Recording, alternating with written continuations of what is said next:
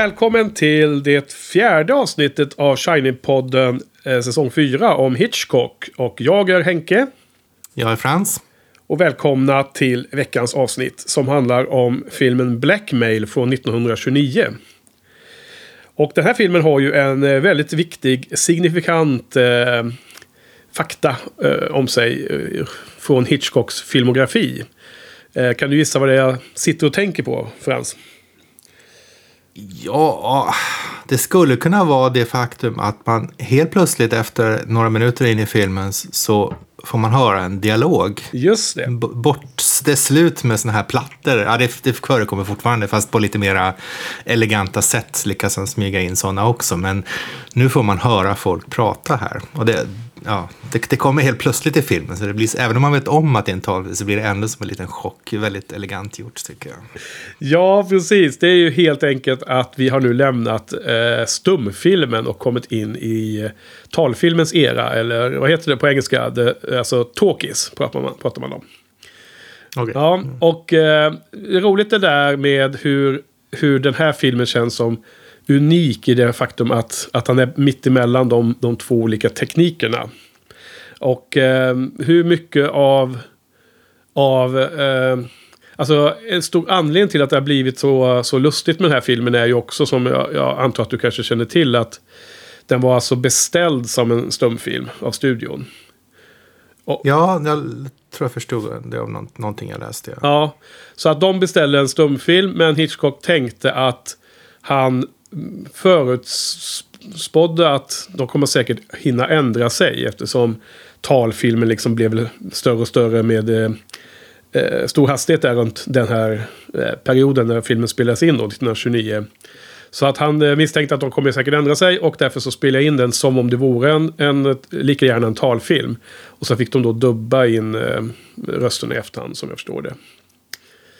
Okej, okay, det är därför den här eh, östeuropeiska huvudrollsinnehavaren pratar perfekt uh, arbetarklass engelska. Precis, för det är en tyskspråkig uh, kvinna. An Anna Ondry, eller vad hette hon? Något sånt. Något sånt, ja. Eh, Anny Ondra var det. Kollar jag mina notes här. Eh, den första Hitchcock-blondinen som vi hörde från den franska, vad heter det, filmexperten. Galne, nej, den galne fransmannen. Ja, den galne fransmannen. Det var så benämningen var, precis. jo, men eh, så hon är då dubbad av någon brittisk eh, karaktärsskådespelerska får man väl anta. För det var väl alla på den här tiden. Eh, så det är lite, lite kul grej generellt sett runt hela filmen så tycker jag att det är liksom otroligt fascinerande att se den här just för att den är i stort sett en stumfilm men med så här eh, adderat in ljudeffekter och tal helt, helt liksom random känns det som ibland. Ja, ja precis. liksom, alltså, han, man, som man ska exemplifiera för, för de lyssnare som kanske inte har sett filmen. Jag, jag gissar att det kan vara en och annan eh, som, som då inte har haft möjlighet att se den här Blackmail. Men exempel, om man tar exempel, han ut, man ser en person som är ute och går på en gata och sen så åker det förbi en bil. Liksom. Och då, allting är helt tyst och eventuellt har man så maximalt så har man någon bakgrundsmusik, precis som stumfilmerna brukar ha. Och sen kommer det helt plötsligt en biltuta, så här helt random. eh, och, liksom, och då är det liksom, det, det är det här ljudfilmsinslaget, att man får en sån, det är nästan som en specialeffekt, fast i ljudformat istället för bildformat liksom. Ja, ja visst. Och jag tror att... Och även, ja. även första, första gången man hör talet så är det liksom det är precis som en stumfilm. Det är musik och de, det känns precis som en stumfilm. Och så helt plötsligt bara så får man höra två poliser börja prata om någon skräddare som inte var eh, som inte hade gjort ett acceptabelt jobb. Så ja. kom, kommer helt plötsligt bara pang på. Ja. Ja, precis. Och, men, men det är lite festligt i alla fall. Och, så det är väl det som är kanske unikt i den här, då, den här filmen i hans filmografi. Eh, ska, ska jag dra lite kort om handlingen för de som inte har sett filmen då igen? Eh, ja, gärna. Ja, alltså det, eh, det handlar om... Eh, en av huvudpersonerna är en ung polisman, eh, detektiv. Och filmen inleds med att han och hans partner eh, smyger sig på en man som är hemma i en lägenhet och de överbemannar den här skurken. Tar, tar ifrån honom hans pistol. Eh, slår handfängelse på skurken, tar in honom på polisstationen. Eh, tar en sån här mug-shot, eh, fotar honom. Eh, vad heter det? Intervjuar eller förhör honom. Och sen så kastas han i finkan. Eh, och det är liksom själva inledningsscenen.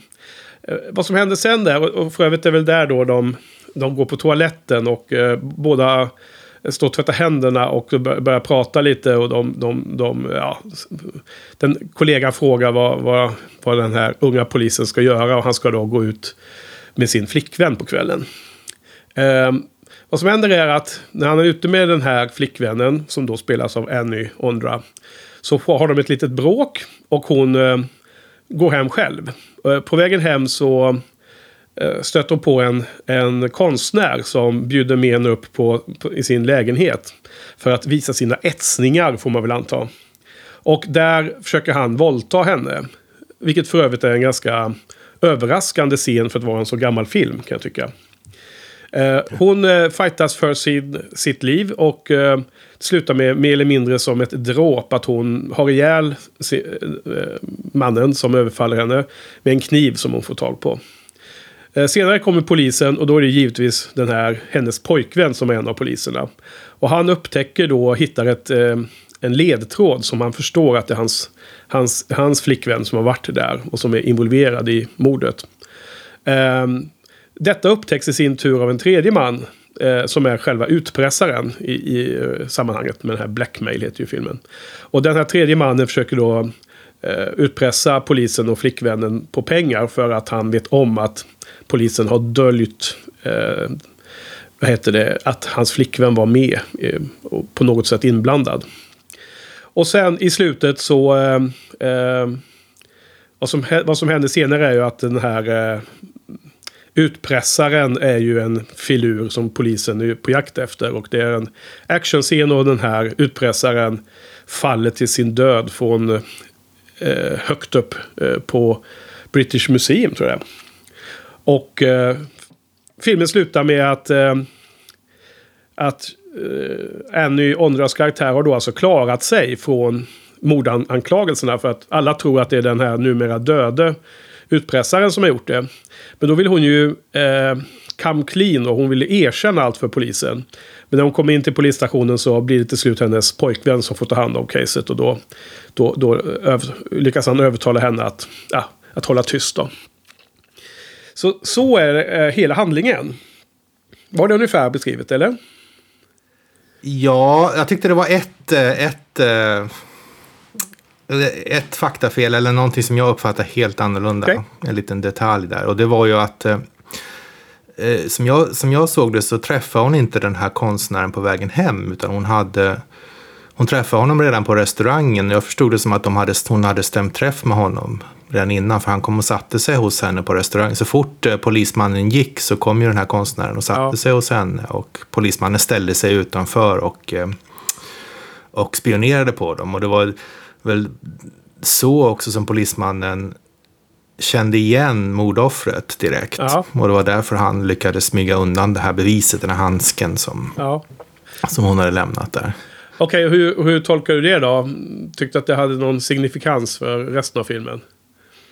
Nej, men det var väl det att han, att han kände igen mordoffret ja. för att han hade spionerat på dem på restaurangen där. Ja. Och det hade dessutom signifikans för för hennes situation tycker jag. För att det, det visar att hon eh, inte var, vi kan ju komma till det kanske långt senare, men det visar att hon hade, var inte så intresserad av den här polismannen. Det var lite likt det här The Lodger, samma, samma relation här tyckte jag. Att hon, det var den här unga kvinnan som var tillsammans med en polisman som hon inte var så speciellt intresserad av egentligen. Okej. Okay. Ja, precis. Jag, jag, jag förstår precis. Eh, de bitarna såg jag också lite, men det, det, jag tyckte inte att det fick någon jätteviktig eh, funktion i filmen senare faktiskt. Uh, jag tycker att det har en otroligt viktig funktion precis i slut, slutet. Okay. På vilket sätt då? då? Hålla lyssnarna på, lyssna, hålla lyssnarna på halstret en liten stund. Okej, okay. det kommer bara sluta med att du glömmer det här sen. Och vi avslutar poddningen innan du har sagt det här. oh nej, oh nej, oh nej. nej. Men, men, men, en sak jag skulle vilja ta upp i inledningsscenen. Mm. Den är otroligt noggrant beskriver det här, alltså, som du sa, infångandet och eh, inskrivningen i häktet och allting. I minsta detalj så beskrivs den här. Och sen så den här personen som de har fångat, han förekommer inte i resten av filmen. Är helt, Ja, precis. helt ointressant. Och nu ska jag avslöja för dig Frans varför jag drog hela storyn. Något som inte Ja. Tänker göra i den här podden. eh, Och snarare ska undvika. Men det är ju att om man läser på om filmen så är det ju så att återigen så har ju Hitchcock haft en helt annan story. Okej. Men som han inte fick göra för filmbolaget. Är nämligen en Jaha. story med ett sorgligt slut. Därför att han Okej. ville, och, och den filmen hade kunnat bli hur bra som helst. För han ville att, att filmen skulle ha en bookend. Den här scenen som han spelade in med att visa hur polisen tog den här första skurken, som inte har något annat med filmen att göra, skulle Ja. vara en exakt kopia mot slutet. Men då skulle han göra allting med sin flickvän. Han skulle ta henne, handfängsla, ta henne in där, göra mugshot, eh, förhöret och sen kasta henne i fängelset. Sen skulle han gå till toaletten och stöta på den andra kollegan. Så skulle de stå och tvätta händerna. Så skulle den andra kollegan fråga vad ska du göra ikväll? Ska du gå ut med din flickvän igen? Och då, och då skulle han svara nej, jag ska åka direkt hem. Och, så, och sen the end. Wow. ja, det hade varit häftigt slut. Men jag tycker faktiskt att slutet som blev var riktigt bra också. Ja, ja precis. Men, men vilken skillnad i, i eh, alltså, slutet som blev nu är ju liksom hon, hon kom undan. Eh, Vi som åskådare kan tycka att visst hon, hon dräpte en man men hon gjorde det i självförsvar och någon som var ett stort jäkla svin. Och vi tycker moraliskt att hon har rätt. Eh, Att hon klarar, sig, att hon klarar sig tycker vi är okej, liksom, rent etiskt. Jag, jag håller inte med om att hon kom undan. Nej, nej. Hon har, hon har ju fortfarande sina... Eh, hon har ju fortfarande ångest över att hon, hon har gjort det. Men, men det är också en stor del av spänningen i filmen är ju huruvida hon ska åka dit för polisen eller inte. Ja... Okej, ja, jag vet inte. Jag tror att jag har sett det kanske på ett, på, på ett annorlunda sätt. Ja. Jag har nog missuppfattat en del saker. Nej, nej, nej. Kanske, kanske, Jag, jag tyckte inte alls, jag tyckte att det, jag tyckte att det var en så, så bra, riktigt sån här Hitchcocks slut, med mardrömsslut nästan för, för henne. För att hon tyckte inte alls hon kom undan. Hon var ju... Det slutade med att hon var helt fast i den här relationen med den här polisen som hon inte tyckte om. okej. Och dessutom så, så finns det, var det ju så att det var ju en sån här ele, riktigt elegant Hitchcock-finess precis i sista sekunderna på filmen. Ja, vilket då? För att när, de är, när hon är uppe hos den här konstnären så har ju konst, konstnären har en tavla med någon clown som skrattar. Som, Ja, som, ja just det, som skrattar skratt. hånfullt ser det ut som. Precis, och, och sen så målar de tillsammans. Han lär henne måla, ungefär som en golfinstruktör som håller i hennes hand och lär henne måla. Mm. Och sen signerar hon den här tavlan med sin, sitt namn ganska tydligt. Ja. Och precis i slutet på filmen så får man se hur en polis kommer in i polishuset och bär på tavlan med den här clownen och sen så en tavla till som ligger bakom den här tavlan med clownen. Ja, just det. Så att beviset att hon var där finns nu på Ja, polishuset. men vad fasen Frans, nu har, nu har du ju missat en viktig del i filmen. Det, det Okej. syns ju jättetydligt att, att eh, eh, hon eh, målar över sitt namn. Jaha, när hon går. och Sen, Ja, eller vänta nu, blir jag själv lite osäker. Antingen är hon, eller så är det till och med hennes eh, polismans eh, fästman. Jag kommer faktiskt inte riktigt ihåg nu, men det är jättetydligt hur, hur man tar en, eh, det här bläcket och målar över. Jag, jag tror det är hon som gör Ja, okej, okej. Okej, det har jag missat. Ja, du du måste ha tittat då, på då, det. då förtas jag. För jag tyckte det slutet var så bra. Att hon, hon, hon sitter fast i den här relationen. Mm. Han, har, han har det här tavlan som en slags gisslan. När som helst så kan han ta fram den Mm. ur polishusets arkiv och visa att det var hon som var där. Men okej, men då är det inte så då. Ja, alltså jag, jag har inte alls läst in... Eh, varken när jag såg filmen eller efteråt när jag läst om filmen så har inte jag läst in den här deppiga synvinkeln att hon är fastlåst i någon relation med den här polisen faktiskt. Så det var väldigt intressant att, du, att det var det du tog med dig, de signalerna. D- däremot så, så, så tycker jag ändå att det det du beskrev som en eh, häftig Hitchcock... Eh, knorr på slutet kan ändå stämma till viss del. För att den här clownen ser ju hånfullt på henne. Som att eh, hon får ändå leva vidare med, med eh, vetskapen att hon haft ihjäl en person. Ja. Eh, så, så, så det gäller ju fortfarande det du var inne på där. Även om det här allra sista, eh, det här med beviset kanske inte riktigt stämde. Vad jag också tänker på, jag kanske blir påverkad av det, men efter jag såg filmen då. Man läser i den här intervjuboken med eh, François Truffaut så, så säger ju Hitchcock själv att, att det var filmbolaget som ville ha det lyckliga slutet. Så det var därav att jag eh, beskrev det som ett lyckligt slut kontra att hon skulle åka i fängelset och, och bli hängd för mord. Vilket kanske är ett, ett, någon form av negativt slut.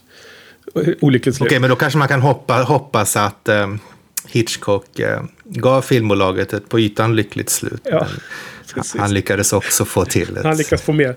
en liten egen knorr på det där. Jo, nej men det åter till varför jag också ville liksom beskriva den här alternativa idén med, eh, med filmen. är ju också att det är någon liknande grej som fanns runt champagne. Va? Som vi då pratade om förra veckan. Att eh, han hade en helt annan alltså drama, så, mörkt drama i, i huvudet. Men eh, filmbolaget ville ha det bättre. Ja, Det var, det var också, en annan intressant grej var i den här inledningsscenen, så en av de mest signifikanta scenerna tyckte jag, det var när han tog ett fingeravtryck. jaha. Så, så, så, bara, så visar, helt plötsligt så blåste han upp det här fingeravtrycket Ja. som en egen eh, film, eh, filmruta. Så man fick se det här jättemy- jättemycket Ja, i detalj. Och sen så återkommer det här med fingeravtryck i filmen. De, när, de, när de sitter på restaurangen, hon och polismannen, så föreslår han att de ska gå på bio och se den nya filmen Fingerprints. okej. Så, som, inte, som tydligen inte finns, eller jag, jag har inte hittat den i alla fall. Nej, En Fingerprint som ska handla om Scotland Yard. Ja. Och när, när hon är uppe i lägenheten så går hon, han visar ju verkligen hur hon går och tafsar på precis allting i den här lägenheten. Jo. Så att hennes fingeravtryck finns överallt. Så att det, på något, det finns liksom lite det här med fingeravtryck finns eh, insprängt här och var. absolut. Men alltså, jag tror att suspens i den här filmen är huruvida hon ska åka fast för polisen eller inte. Inte huruvida Ja. hon ska bli av med ett eh, förhållande. Det, det som jag har tolkat det, det, det, det talar lite för det. Eh, också i så fall. Sen är det lite oklart om, hade man den här typen av teknik att kunna fånga fingerprints på, på ytor? Eh, det är jag lite osäker inte. på om, om inte det är en modernare eh, teknik. Jag menar, förstår vad jag menar? Alltså att ta fingerprint med att trycka tummen i, i bläck och, och, och trycka på pappret. Det, det finns ju. Det fanns ju. Det såg vi också att de gjorde. Men att, att, att kunna gå och använda den här lilla, lilla, lilla vad heter det, borsten och hälla något puder på och sådär. Och, och fota eller vad man nu gör i, i verkligheten. Tror jag, tror, Men vad skulle man annars med, fing- vad skulle man annars med fingeravtryck till? En identifierare. Ja, okej. Det är ju för att spara till in the archives för nästa gång man, man tar den här snubben. Ja, ja. Eh, Så Ah, Fingerprints ja. används ju för det skälet också. Också så, de åker in i USA nu för tiden så får man ge Fingerprints. Det är väl samma skäl att de trackar identiteter va? ja. För framtida. Okej, men vad, vad, vad, eh, fann du några andra eh, Hitchcock-moves då? Andra tecken på fram, framtida, eller så senare tricks som han, som han är som känd för.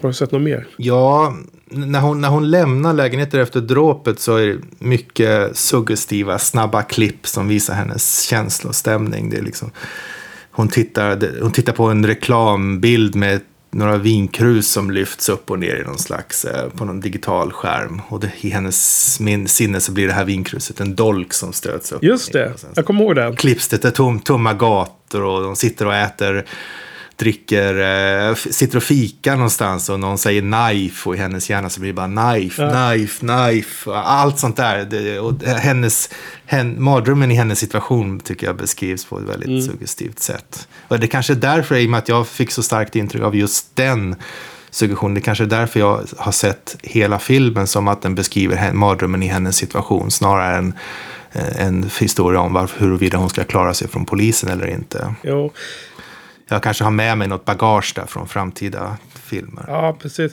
Eh, Den här, eh, den här reklamskylten med eh, neon eller om det är en annan teknik. Det är lustigt för att de gör ju reklam för Gordons London Gin. Och jag tänker, Ja, det är det det. Ja, alltså bara, bara som en ren eh, trivia-info där med, det heter ju Eh, Gordon Gin och det finns London eh, Dry Gin. Och så det finns lite olika nu, men det, det kändes som en tidigare variant av sådana märken som man känner till idag. Eh, den, här, den här scenen som du nämner när hon hör Knife, eh, det är ju en frukostmåltid eh, som sker eh, morgonen efter mordet eller dråpet. Och eh, otroligt eh, intressant hur han filmar där. Eh, hon kommer ju ner och äter frukost med sin mor och far. Och de, och de äger ju en liten eh, kiosk av något slag. En tobakshandel ser det ut som. Och det är ju en alltså, extremt irriterande eh, kvinna från grannskapet som står där och eh, bara pladdrar hela tiden. Eh. Upplevs ju extremt jobbigt och speciellt med tanke på eh, huvudpersonens eh, state of mind som du är inne på. Att hon, hon mår ju dåligt liksom. Och, och då, då så... Först så hör man då det här eh, chattret från den här grannkvinnan. Hon pratar om mordet och hur hemskt det är. Och sen så liksom tonas det ju ut så det bara blir ett mummel i bakgrunden va? Eller hur? Now, mind you, a knife is a difficult thing to handle. I mean, any knife. I mean, if you use a or a pocket knife, where it wouldn't belong a butcher's knife. Alice, cut us a bit of bread, will you? a Knife. What kind of a knife?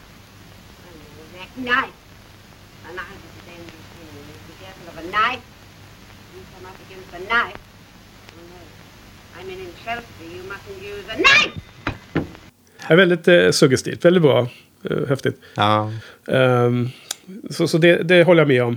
Jag tyckte annars att han... Uh, till, till att börja med så är det ju då eh, en av hans eh, Hitchcocks mest vanliga troper är väl att en oskyldig man jagas.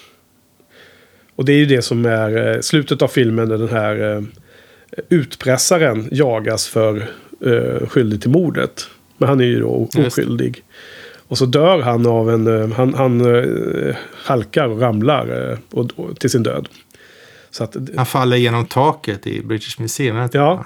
Man, man får bara se, det, det är, liksom, det är samma, nästan samma scen som i The Game. Han faller genom taket på en kupol. Så att Man ser det krossade glaset. Mhm. ja, men då är det kanske den i The Game en hommage till den här filmen då. Tror du? Kanske, Ja. jag vet inte. Ja. Det, det är också lustigt man läser i boken, i intervjuboken att eh, de kunde inte spela in det här på eh, British Museum för det var för mörkt där inne. Så att de gjorde så att de tog alla ehm, eh, de, de tog alla vinklar de behövde från huset, alltså även inomhus. Och gjorde jättestora foton eller bilder av det. Med jättelång eh, slutartid. Och sen så gjorde de stora, eh, alltså gjorde de stora planscher av det och satte på väggen. Eh, och som de spelade scenerna framför.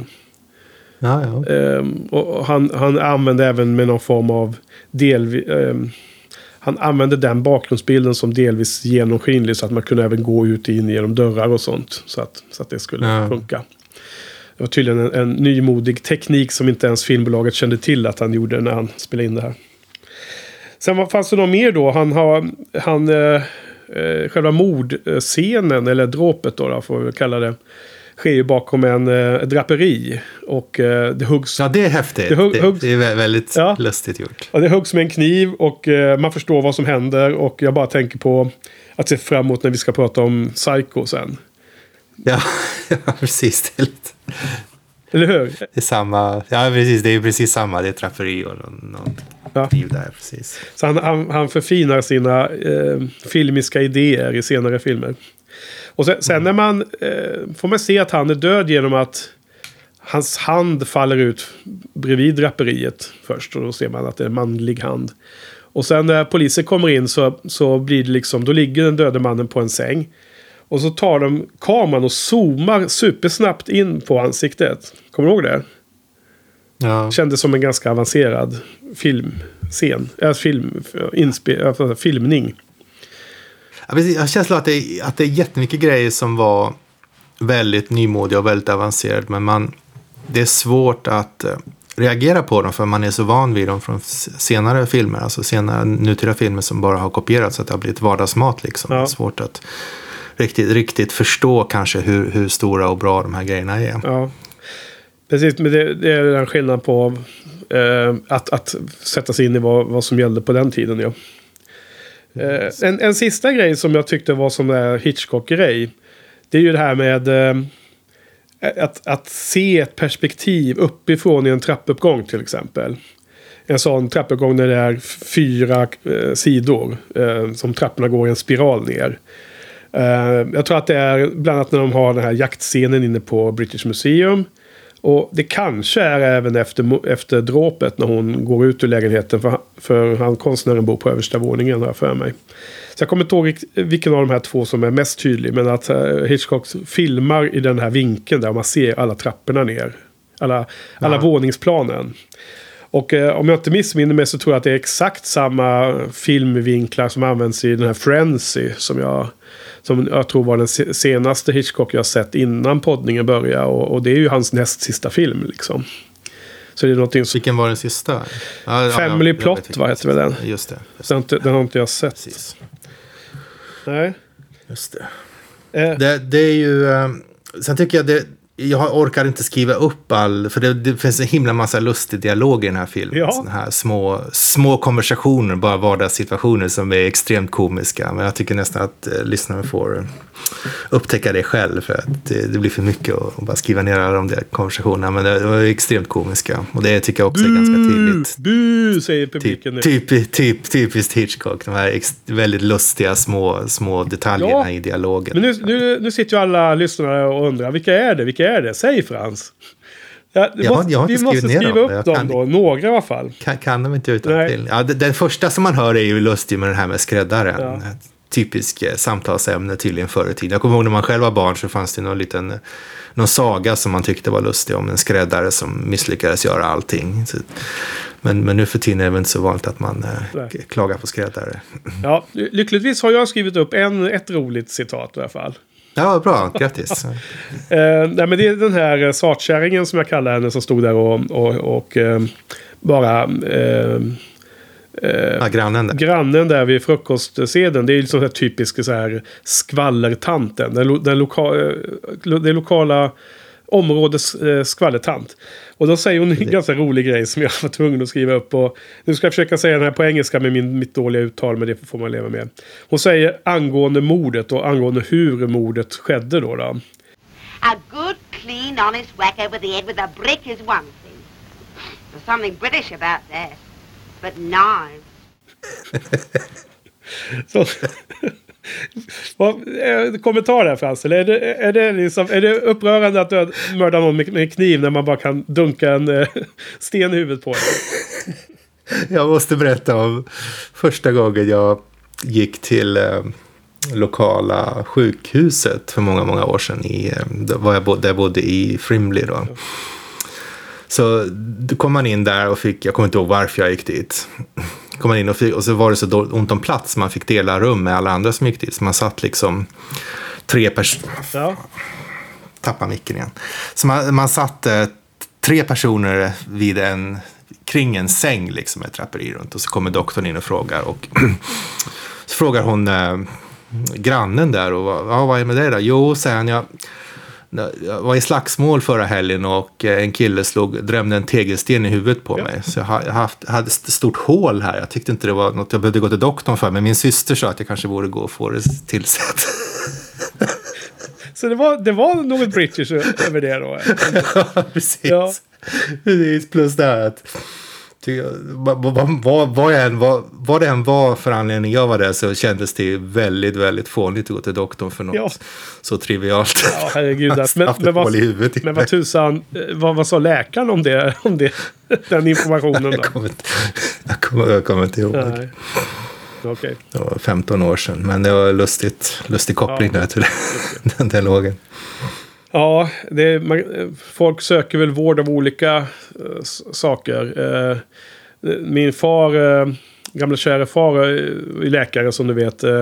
han berättade när han var sån här AT, tror jag det heter, va? När man jobbar som allmän läkare eller allmän tjänstgöring då. På, och han jobbar på akuten nere i västra Sverige någonstans. Och det då kom in en finsk gästarbetare. Det här var ju tidigt 60-tal. Kom in stapplande med en kniv i ryggen det har blivit någon... någon, någon Ja, det har blivit någon kon kon konflikt på något bygge och han tyckte att han ville ha hjälp med att dra ut kniven. Jag kommer inte åt, jag kommer inte åt bakom ryggen. Ja, precis. Ja, okej. sen, sen så, för övrigt så är det ju då, först i precis i början av filmen så, så är det en scen, en, ehm, där, man, där de visar skådespelare och så, så står det med gigantiska bokstäver, British International Symphony Orchestra. Ja. Så då tänkte jag att det här måste vara någon stor orkester, fast jag aldrig hört talas om den. Ja, Så att, ehm, du är lite specialintresserad av klassisk musik ju. Ja, och jag tyckte det var intressant i och med att det, det liksom förstoras, det blåstes upp så mycket det här. Jag tänkte det måste vara något speciellt i att de hade den här orkestern. Men så visade det sig att det finns extremt lite information om den. Och British International är ju då filmbolaget, så att det verkar som att de har haft någon egen symfoniorkester. Ja, okej. Men men vilket... Så, som, har, som har varit med på fem, sex filmer bara. Så Jaha. det var liksom inget, inget alls med det. Nej, just det. Men det var väl ganska rimligt kanske att de hade eh, användning av en egen orkester istället för att eh, köpa in tjänsten då, då. Om man nu hade eh, orkestermusik på var och varannan film där under stumfilmseran. Ja, jag vet inte. Jag, jag googlade andra sådana här filmbolag, Symphony Orchestra. Jag hittade liksom inte att det verkar inte som att det var något typiskt att man, varje filmbolag hade en egen symfoniorkester i alla fall. Ja, med, med det namnet i alla fall. Med, med ett eh, filmbolagsnamn och sen Symphony Orchestra. Kanske Nej, precis. Det finns ju många kan vara andra namn. kombinationer där. Sökte du på Orchestra, orchestra bara? Filmbolag och Orchestra? Ja, det kanske jag inte Nej. borde. Nej. Jag vet inte jag. Ehm, nej men... är Inget, inget du känner till att man hade en egen orkester? Nej, Som- nej, nej, nej, nej. Ingen, ingen aning. Ehm, det finns ju jättemycket man kan lära sig kanske om eh, film, filmhistoriens första gyllene årtionden. Men det är ingenting jag har läst på. Ja, men som film betraktas så tycker jag att den var lite lätt ojämn. Men det fanns ju vissa scener som var riktigt, riktigt bra. Riktigt spännande. Eh, och intressant kommentar ifrån intervjuboken också. Där eh, De spenderar ganska mycket eh, tid att diskutera begreppet suspens. Spänning.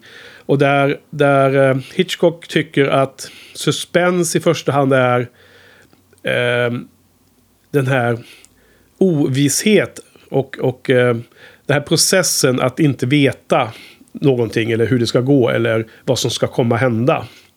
Inte att det är då, eh, som Truffaut frågar om flera gånger om, om det är liksom kopplat till eh, personlig fara i första hand. Alltså spä- spänning, lika tecken med att det är risk att jag dör. Det är, det är liksom en annan sak, tycker Hitchcock. Och det han verkar tycka är intressant är ju eh, suspens. Han jämför då med en scen i en tidigare film som jag eh, tror att vi inte har sett. Men där det finns en scen som han återkommer till som exempel. Där man får se på filmen en kvinna som jobbar i en sån här telefonväxel. Som fanns på den tiden. Och när hon kopplar ett samtal mellan två personer så hör ju hon dialogen. Hon kopplar ett samtal från en man som ringer till en kvinna. Och mannen, eh, vad heter det, friar till kvinnan i telefonsamtalet. Och eh, växeltelefonisten sitter och väntar på att höra svaret. Och att det görs, att där har vi en väldig suspens. Hon, hon, hon eh, vi och växeltelefonisten vill veta vad svaret ska bli. Och vill att det ska bli ja, eller önskar att det ska bli ja av olika skäl. Då, då. Ja, Och, det, och det är liksom en, en suspensfull scene. Och det har ingenting att göra med liksom, om någon ska sticka kniven i en eller inte. Då. Nej, Och, och på samma sätt så tycker jag att det var, det, det var otroligt väl uppbyggt suspens. Och jag var verkligen engagerad i scenen när utpressaren kommer in på den här eh, lilla butiken, lilla tobakshandeln. Och eh, ja. det blir klart för eh, hon, både polismannen och den unga kvinnan då, då, som är där inne i rummet. Och det är en, en scen med de här tre personerna, de här tre huvudfigurerna i filmen. När, när det blir klart för dem att de blir utpressade av den här mannen och hur det här nu ska ha, få en fortsättning. Eh, tycker jag var en väldigt bra scen, väldigt effektiv och väldigt spännande. Superengagerande. Kommer, kommer du ihåg scenen? Ja. Ja, ja, visst, absolut. Mm. Han, ber om en, han ber om en cigarr. typ. Han, han börjar med att be om såna här vardagliga, enkla saker. Ja, det, ja det, det, det är ännu bättre och man ser det direkt komma förvisso. Men det, det gör det nästan ännu roligare. Han, han, eh, Först antyder han något väldigt sublimt och sen så säger han, "Åh, ursäkta, och så går han och så beställer han den dyraste cigarren. Och man förstår ju Ja, av, av, av den här tjejens pappa då, som äger butiken. Man förstår ju hela tiden att han aldrig tänker betala för den. Och Precis. sen när han ska betala då till pappan så, så, ah, nej, ja, så, så kommer det ur honom att han inte har pröjs men att den här polismannen gärna ställer upp och betalar för mig. Precis. Eh, så, och, och, och det är då eh, the blackmail är in, in effekt liksom. Då har den startat. Ja. Nej, my- mycket, mycket trevlig scen tycker jag. Faktiskt. Hur var... eh, Såg du cameon? Absolut. Skulle just komma till den. Den... Ja, vad bra. Så, Okej. Såg du den? Ja, Ja. Den var ganska lustig tycker jag. Den Den kom, var lite, lite, lite längre än normalt. den kom ganska tidigt. I filmen, efter tio och en halv minut. Ja, berätta. Beskriv lite för lyssnarna. Han, han, sitter, han sitter på något fordon. Tåg. Någon slags buss eller tunnelbana eller någonting. Tåg. Och eh, en liten pojke busar med honom, rycker i hans hatt. Han, han säger till på pojkens mor att så där får han inte hålla på. Ja. Och då får man, sen så väntar pojken lite och så går han och busar med hatten. Ja, precis. Han, han blir störd av ett barn. Han sitter och läser en bok, va? Ehm, Hitchcock. Precis. Så den var, normalt sett brukar de här cameorna bara vara liksom en, en bråkdel av en sekund. Men här var det nästan som en hel scen. Ja. Eh, och nu var den tidigt i filmen då. Eh, men jag tror här i början av karriären så kunde det komma lite vad som helst i, eh, i filmerna. Och jag har läst någonstans att han senare har sagt att eh, allt eftersom det blir mer, mer och mer känt att han gjorde cameos så var han tvungen att lägga dem väldigt tidigt i filmerna. Eh, under andra halvan av, eller under senare del av karriären. Ja, för annars skulle folk bli distraherade av att sitta och vänta Ja, på det. bara sitta och titta efter var han är liksom. Ja, Så, eh, lyx, lyxproblem. Så. Ja, okej då. Nej men, eh, intressant film helt klart. Ehm, eh, jag, jag tycker inte att den var fulländad långt därifrån. Men, eh, men jag tyckte ändå att det var ett rejält steg eh, uppåt ifrån de här senaste filmerna. De här eh, silent movies vi har sett. De senaste två veckorna. Eh, vad, vad, vad, vad tycker du om filmen som helhet? Jag tyckte att den var väldigt rörig. Det var mycket som hände. Det var liksom svårt att hålla koll på vem som var med vem och vad som, alla detaljer och allting. Den, den gjorde ett rörigt intryck. Jaha. Vilket säkert har, säkert har framgått av mina, min, att mina kommentarer har varit ganska röriga också under den här, det här avsnittet. Men jag, jag, så att jag, jag tyckte att den var, jag tyckte nog ganska lik du, att den hade det var ett stort steg framåt och den hade de här grejerna som man verkligen vill ha när det gäller Hitchcock. Den här um, beskrivningen av eh, av, av känslor och mardrömssituationer och spänning och Ja, lustiga scener, komisk dialog. Men, men som du sa, långt ifrån fulländade. Liksom, det var inte en, en ren, clean film nej. än, än utan det, det var liksom för mycket lösa ändar och för mycket hoppande och hattande. Och Ja. svår, svårt att hänga med. Jag, jag, jag funderar på en sak. Är det, är, är det extra rörigt för att man inte känner igen skådespelarna? Är det så att när man nu ser en film så by, ser en ny film så bygger mycket på att man känner igen skådespelarna så väl att det blir väldigt lätt att hålla isär karaktärerna? För jag tyckte det var svårt ibland att veta, veta vem var det där nu? Var det han som var med förut eller? För att man känner, liksom, känner inte igen de här skådespelarna. Det ligger någonting i det. Ja, jag tror att, eh, att det kan eh, ligga något mycket i det. Att man inte känner skådespelarna. För absolut tror jag det. Eh, det, det är självklart att det, har, eh, att det underlättar om man direkt ser, känner igen ett ansikte och kan liksom koppla den till en viss roll i den här filmen man ser. Men jag, tror, men jag känner inte igen känslan riktigt. Så att, eh, jag tror inte att det var något som var make or break i den här filmen i och för sig. Då. Nej. Eh, Det är väl olika kanske. eh, Vilka, hur man ser... eh, Alltså för för du, du, du menar att utseendet på karaktärer kunde vara förvillande lik? Var det det du menade eller? Ja, Jag, tyckte att man, när man såg en karaktär, när det blev en ny scen, man en karaktär, så kände, visste man inte så här instansiöst, omedelbart, vem, Nej. vilken den här karaktären var. Nej. Man var tvungen att tänka efter lite. Liksom. Det tog den här Ja, bråkdelen av sekund innan man var med igen. alltså jag måste ju säga det att om man tittar på ett eh, filmtekniskt så är det ju sämre bild eh, på flera ställen än vad jag eh, tror mig ha sett på andra filmer från 30-talet. Från tidigt 30-tal. De, de få jag har sett. Och det är eh, framförallt mycket sämre ljud. Jag menar, eh, det var omöjligt att se filmen utan textning tyckte jag. För det gick inte att höra vad de sa alltså. Nej, nej, precis. Även när de pratar bra engelska så, så var det väldigt svårt. Ja. Väldigt grötigt. Jag menar, jag, en annan som går och lyssnar på podcast eh, dagarna ända och liksom på engelska och amerikanska har ju inga problem att höra. Eller förstå ska jag säga så fort man hör vad de säger. Men här är det ju så himla brusigt eller så eh, micken är så långt ifrån och man hör så mycket eh, annan, annat ljud i ljudbilden att man inte hör, hör man, man hör inte orden så, så man får inte ens chansen att förstå dem eller ej. Nej, precis. Och tyvärr är den här jäkla boxen som vi båda köpte var lite missberäkning här att det inte var någon textning på den. Så att nu var man ju tvungen att ut och hitta filmen på nätet ändå då. Eh, bara, bara för att få en textning på den.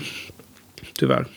Ehm, och ehm, eh, bildkvaliteten är ju väl, är helt okej på, på, i boxen. Jag, jag tror också att den hade någon reklam att det var eh, gjort för, på något bra grundmaterial så att det skulle ha bra bild. Eh, för vissa, Ja. vissa av de här filmerna man hittar olika versioner och olika rippar. Eh, och, och det var någon där jag såg som var så otroligt dålig bildkvalitet. Så det är också olika, Okej. olika bra beroende på vilken man hittar. Eh, Mm. Jag stötte på någon webbsida där det låg en lång lista på, på tidiga Hitchcock-filmer som var ehm, all, alltså, som inte hade copyright längre. Som var, som var legalt att, att ha på, på streaming på nätet och så. Och jag tror att eh, vissa av de här äldre finns på YouTube till och med. Är det någon tidsgräns eller är det individuellt per film? eller? Jag tror att det finns en tidsgräns och eh, eh, vad det nu kan vara, 50 år kanske. Kan det stämma? Jag, vet, eh, jag, jag tänker direkt på att till exempel Bob Dylan har ju släppt eh, arkiv, alltså släppt skivor med arkivmaterial från hans första år. Eh, han släpper dem i typ 10x. Och, sen, och Okej. då har han bara förlängt den här tiden innan. Eh, eller eventuellt har han tagit bort den faktorn helt genom att han då har publicerat det under eget namn.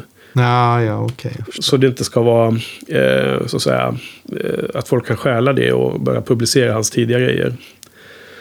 Ehm, och de där eh, utgåvorna är ju väldigt svåra att få tag på om man säger så. Jag tror att samlarna är sugna på dem. Ehm, så. Jaha. För det borde ju vara vänta, tidigt 60-tal. Då borde det ha varit här nu på 10-talet då, då som det skedde. Och, ja, det var ganska nyligen då. Ja, eh, vad heter det, vad var det mer? Jo men det var något i början du skulle återkomma till. Vad tusan var det då? Jag bara kommer ihåg min kommentar. Nu kommer vi glömma det, sa jag. Jag tror att vi har, vi har eh, sagt det redan. Okej. Med, min, eh, min, eh, min observation då som eventuellt var nonsens var ju det att hon det visades ganska tydligt i början att hon inte var så imponerad eller intresserad av den här polisen. Ja. Men i slutet så, så, var hon, eh, så var hon fast i den relationen. Eller så skulle hon åka i fängelse eller bli hängd. ja.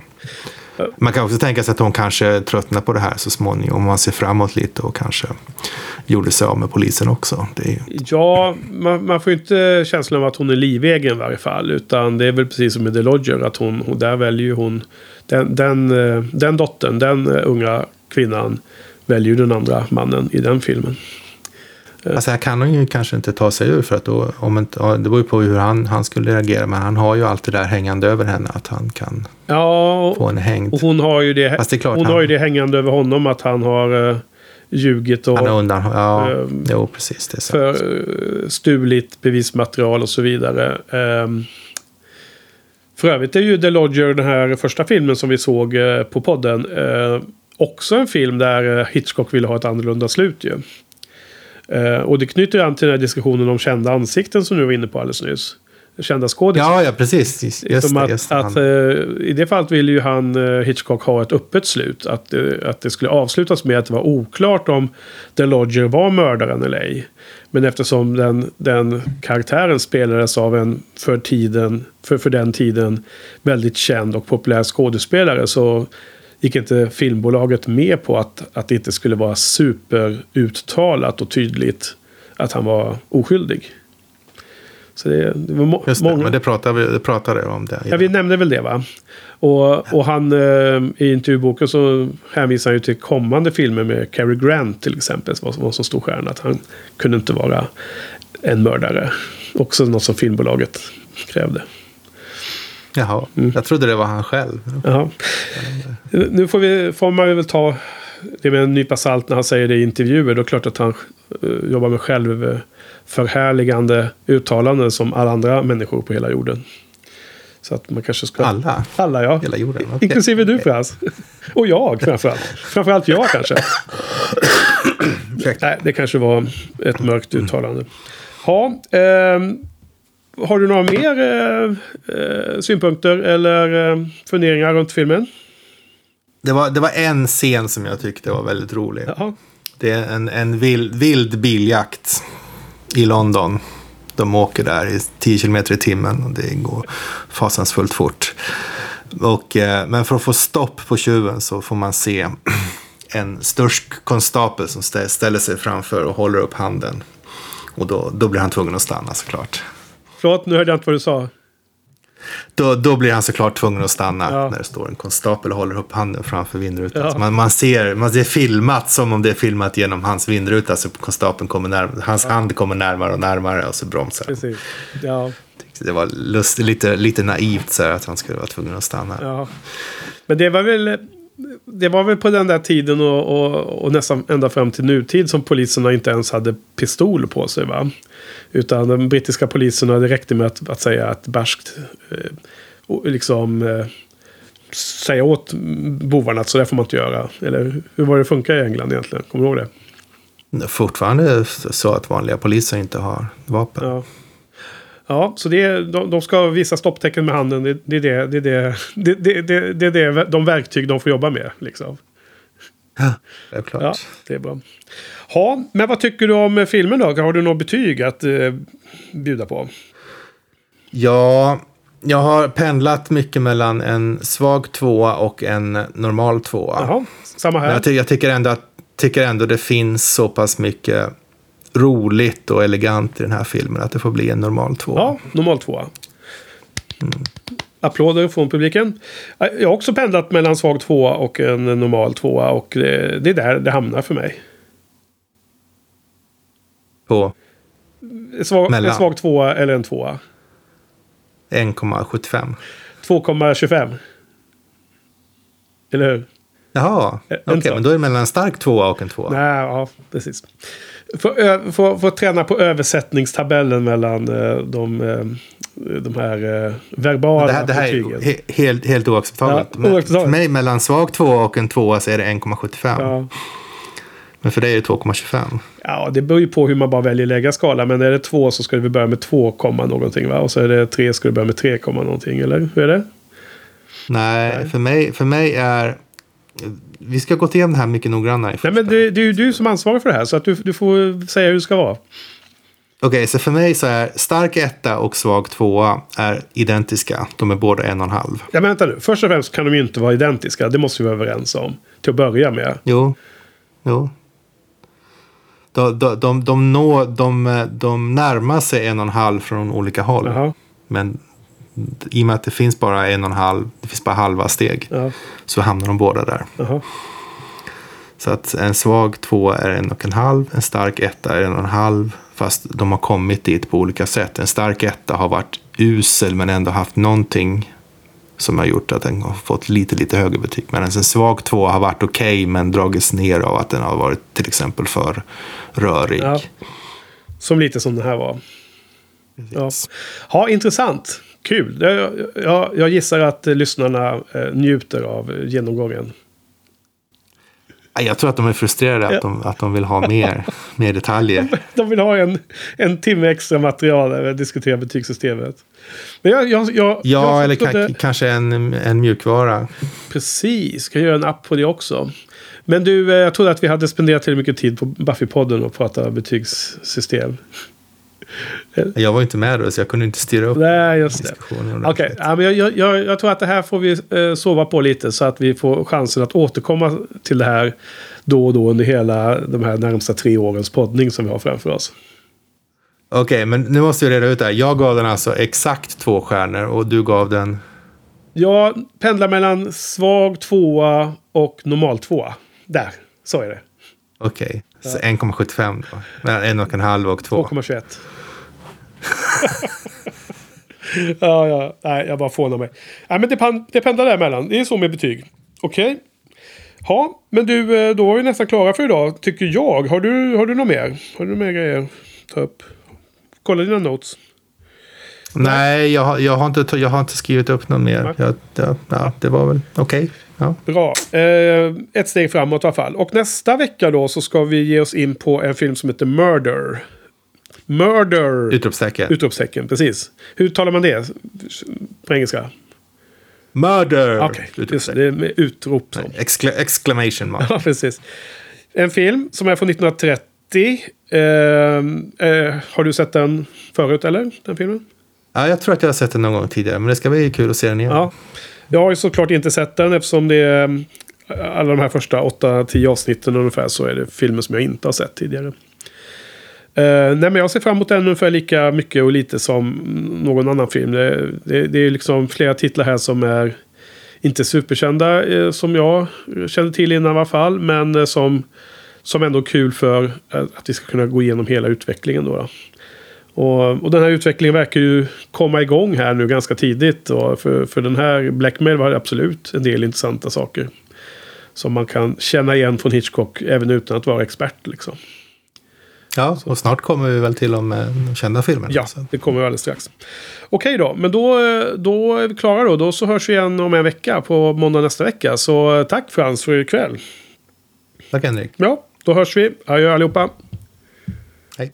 Sen vill jag också bara påminna alla lyssnare att för er som eh, vill vara med i eh, lyssnartävlingen där man kan vinna en eh, Blu-ray-box innehållandes sju Hitchcock-filmer så ska ni skicka in ett mail till shinypodden.gmail.com. Och där eh, så får vi era namn så är ni med automatiskt i tävlingen. Och skriv gärna in också vilken er favorit Hitchcock-film är då. Lite, lite utanför tävlingen. Eh, så det var det. Och sen vill vi också eh, tacka Niklas Lundqvist för vignettmusiken. Niklas som har en podcast som heter Späckat. Som handlar om eh, tv och videospel. Så lyssna på den om ni gillar gaming. Slut på meddelandet.